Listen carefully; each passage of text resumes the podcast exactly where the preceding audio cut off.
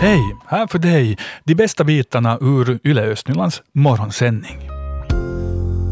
Ja, om du nyligen har gått förbi tidningen Östnylands redaktion i centrum av Borgo, så då har man kanske lagt märke till bekanta ansikten inramade i fönstren. Vår reporter Mirbäck hon gick dit för att få veta lite mer.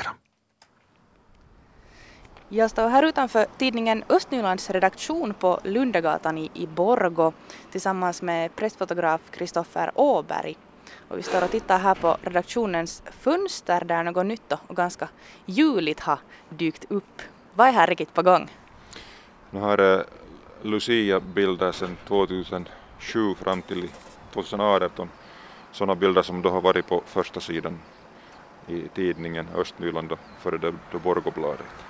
De här bilderna är uppsatta här i fönstret, och sen har ni dekorerat med lingonris och, och såna ljusslinga och, och här finns sådana stora lingonriskransar också som de här bilderna hänger i lite som sådana stora Lucia-kransar.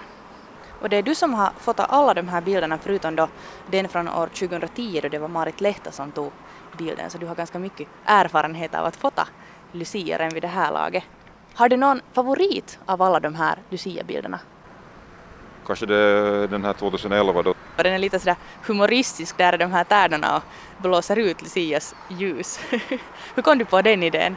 No, det var nog bara helt en, en slump att det, det var, hade redan beslutat sluta fotografera och, och Lucia-pappan Kent Lang han blåste ut Lucian Sofia Sigfrids ljus då och så såg jag att det såg ganska roligt ut när bakljuset som jag hade, hade där så det, det lyste upp den där röken så det trevligt. Så.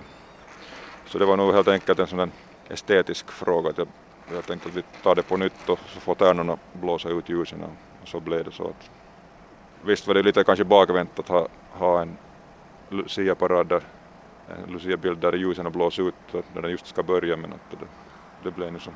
Det krävs säkert mycket fantasi att hitta på olika bakgrunder och olika teman för alla de här fotona. Hur gör du för att det inte ska bli, bli liksom för mycket repetition när du fotar lucier och kandidater varje år?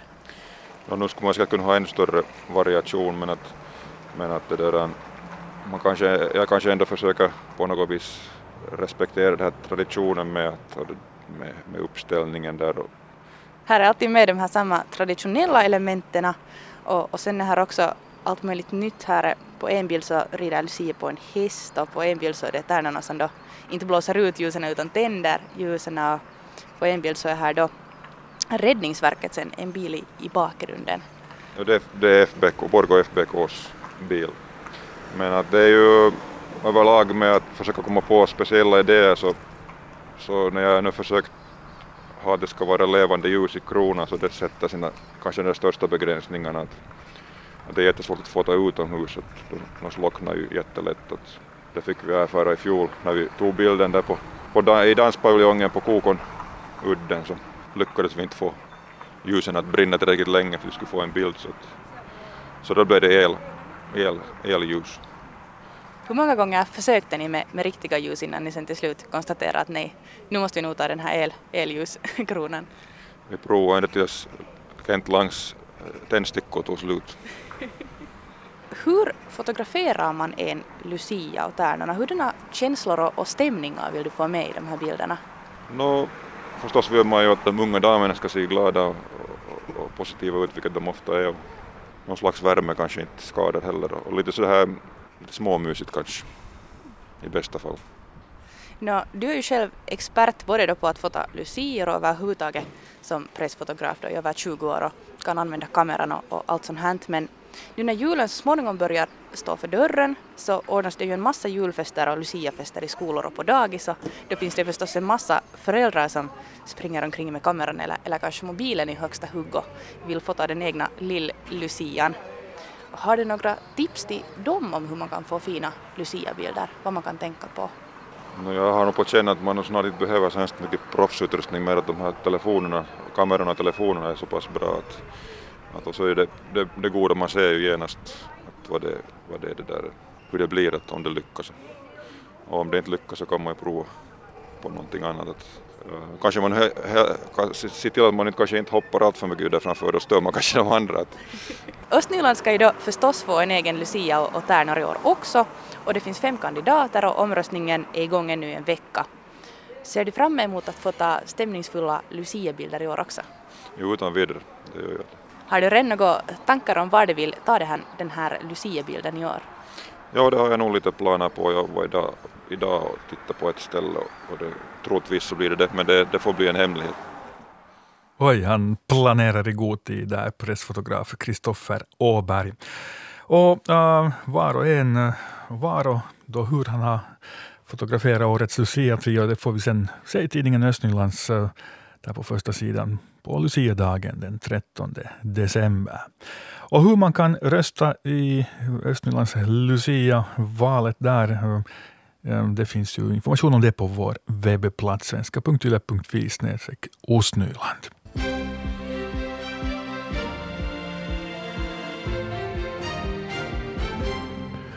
Klockan är halv åtta, nu de regionala nyheterna med Stefan Härus. God morgon. Svenska församlingshemmet i Borgå ska säljas och det finska församlingshemmet ska byggas ut mot Runebergsparken. Det här beslöt gemensamma kyrkorådet i Borgå igår att föreslå vidare för kyrkofullmäktige.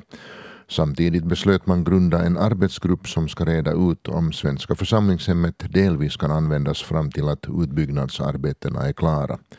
Gemensamma kyrkorådet är inte redo att bevilja pengar för rörrenovering i Svenska församlingshemmet. Planeringsarbetet om utbyggnaden går nu vidare.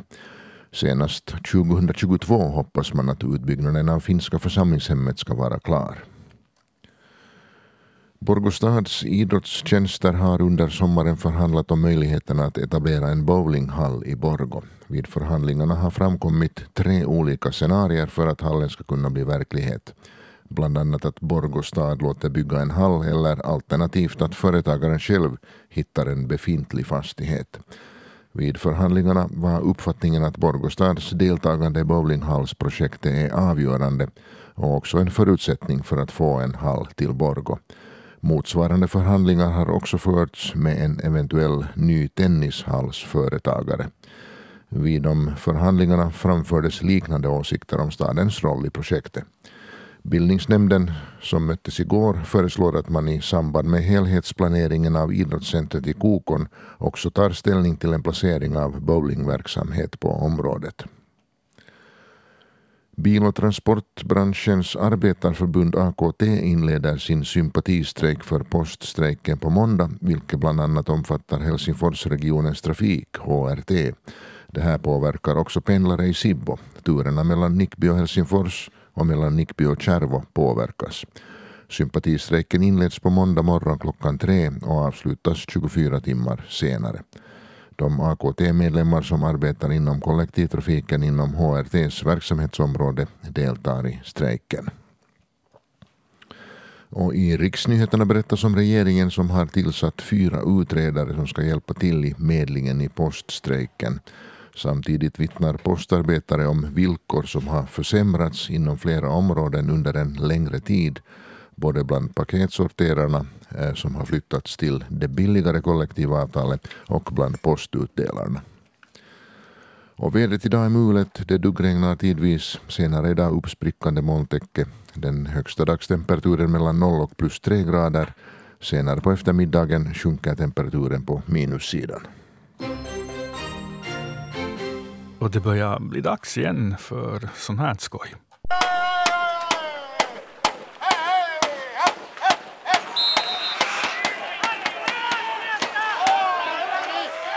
Mm-hmm. Mm, bandyligan sätter igång här uh, i Borgo i Estnyland. Får vi ändå vänta en vecka med att uh, kunna vara på äh, uh, konstisbanan i Borgo och heja på de grönvita.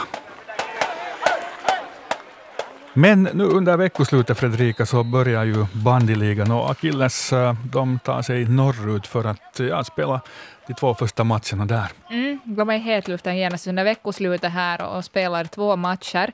Uh, imorgon den 23 elfte så kommer de att möta Ols i Uleåborg och sen på söndag så blir det uh, Länsirajan Konkarit som står för motståndet där i Torneo.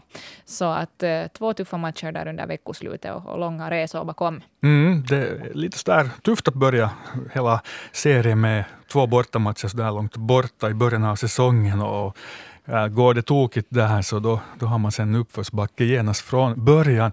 Men äh, det finns då Fredrika förstås en orsak till varför det inte borde bli uppförsbacke. De här två äh, motståndarna har Killens redan vunnit i år på bortaplan, just där uppe när man spelar om finska kuppen.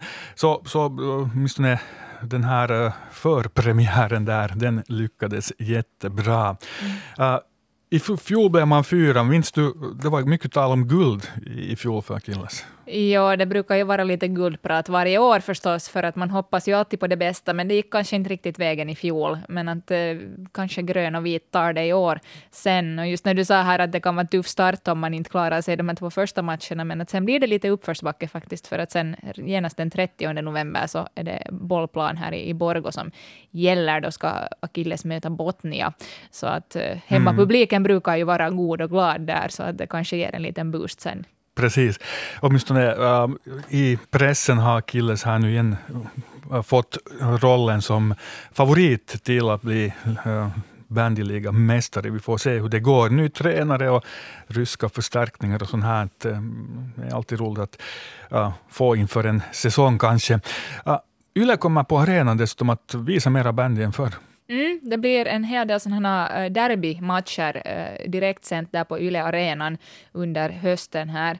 Och den första sänds faktiskt idag klockan 18.30 då är det Kamparit Veitere som, som uh, spelar där. Uh, sen kan man också se en av Akilles matcher den 7 december klockan 13.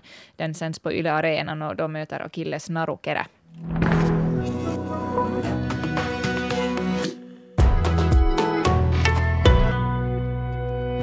Nu dags då för fredagskaffe här med Malin Lönnroth och Mikael Grönros. Hej på er alla.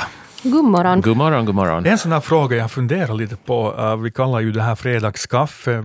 Det låter ju bra och piggt med kaffe på morgonen och allt så här, men hurdana kaffedrickare är ni nu riktigt på riktigt? Malin, tycker du alls om kaffe?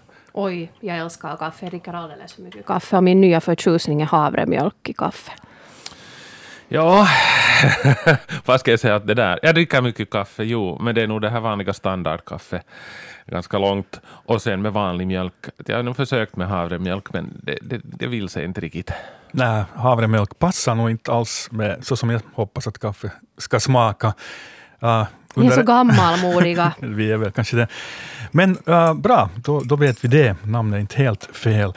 Uh, veckan som har gått ska vi gå igenom här, men uh, lite poststrejk var vi inne på förstår jag, när det var fredagskaffedags senast. Men Malin, du, du ville ännu på något sätt Ja, jag, jag var ju inte här och pratade om det förra fredagen. Så, så, och inte har du jag, fått något post sen dess Och inte har jag fått något post sen, sen dess, så jag hoppas ju att de under veckoslutet nu med, när de skulle få lite mer, mera hjälp, att de skulle komma till en lösning. För jag vill ha min post. Alltså jag saknar ju den, till och med mina räkningar. Ja, vi konstaterar här att vad händer? De stänger snart av strömmen åt oss när vi inte får betala våra räkningar. Ja, så du vet vad det är för post du saknar? Ändå. Ja, och lite tidningar. Och, jo, jag saknar nog min post, så jag hoppas att, att de kommer fram till en lösning snabbt. Mm. Ja, nu, nu, hoppas man ju det förstås, men, men, men å andra sidan nu förstår jag ju också de här postutdelarna och, och de som jobbar inom posten, deras krav. Mm, så här är lite delade äh, kluvna känslor kring det hela. Uh, hur länge kan man klara sig utan post, Malin? No, alltså, tur är ju att morgonutdelarna inte är med i det här. För jag, får, jag bor ju liksom på ett sånt område där man får sin morgonpost. Så det där att sen när jag inte får mina morgontidningar så då är det kris. Då börjar jag strejka för då vet jag ju inte liksom vad som händer mera. Mm, har du hört om e-post och digitala tidningar? Och sånt här? Just beskyller jag er för att vara gammalmodig, men i det här fallet så vill jag nog ha min papperstidning med mitt kaffe med havremjölk i. Mm. Men Malin, om man äh, är på nätet så får man snabbt alla nyheter. Äh, igår till exempel berättade vi ganska snabbt efter det att, äh, äh efter, äh, att nyheten kom ut att äh, då tre bilskolor i Borgå nu anklagas för att ha ingått en priskartell 2013, 2014. och höjd, höjt sina avgifter med 600 euro. Det skäliga kanske skulle ha varit kring en 300. Äh, vi har fått in en hel del kommentarer på det här och så. Vad, väcker det för tankar hos, hos dig, Mika? Då inte jag överraskad på det, det, det, måste jag säga. När man har sett hur, hur prisutvecklingen har varit när ens egna barn har gått i bilskola, hur, hur det har sett ut, så, så inte, inte förvånar jag mig överhuvudtaget över det här. Och, och det här är ju ett problem som man måste ta i ganska hårt inte vet jag ju sen vad det här leder till, men jag hoppas att det får något slags följder i alla fall. Mm, du ser ganska förgrymmad ut. No, jaha, ja, jo. ja, mm. ja inte, inte blir man ju glad, för det är ju, jag menar, konkurrens på schyssta villkor, det är ju en sak, men sen när då du har en, en, en bransch där du har eh, några firmor som, som konkurrerar om samma kunder och, och, och höjer på priserna genom ett, ett avtal, så då är det ju kartellbildning och det är inte okej. Okay. Mm. Nej, inte det är ju okej och jag har ju förstått att det är jättedyrt. Sen så kan man ju förstås lära sina barn att köra själv. Vilket nästan gratis. Men att det är ju en annan historia. Så nu får du ju upp blodtrycket så här lite på fredagsmorgon. Mm. Jag, jag klarar av en dotter helt okej. Okay. Jag har en kvar som jag funderar att ska jag satsa jo, Jag kan nog konstatera också att mina döttrar är inte så hemskt gamla ännu, men att, att jag, jag kommer inte att klara av det den dagen. Sväng till höger. Nej. Jo, jo, nej. Varför det då? Varför det? ja. Mm. Så att vi behöver ju nog de här proffsen också i bilskolorna. Så, så det där. Men, men, men på, på, på, till rätta priser, inte till överpriser. Nej, det, be, det, behövs en auktoritet där på, bredvid, bredvid, bredvid chauffören och det är ju sen frågan om man själv är den auktoritet som man skulle behöva vara i den situationen. Mm. Jag hörde faktiskt av en kollega här, hennes äh, dotter bor i, i Holland och ska nu köra körkort då, som, som vuxen. Där kunde man typ ungefär bestämma att behöver du en timme, att man liksom själv uppskattar det här behovet, att hur många körlektioner. Att det räcker egentligen väl i princip med en och så kan du så är du liksom färdig kusk. Mm. Oj, oj, oj. Det låter ju inte heller helt bra. Mm. Men annars sådär som eh, vardag för er som konsumenter, kände ni till Konkurrens och konsumentverket, att, att de håller ett vakande över marknaden och prisutveckling och sånt här? Jo, visst gör de ju det. Och det är just sådana här fall som de, som de granskar.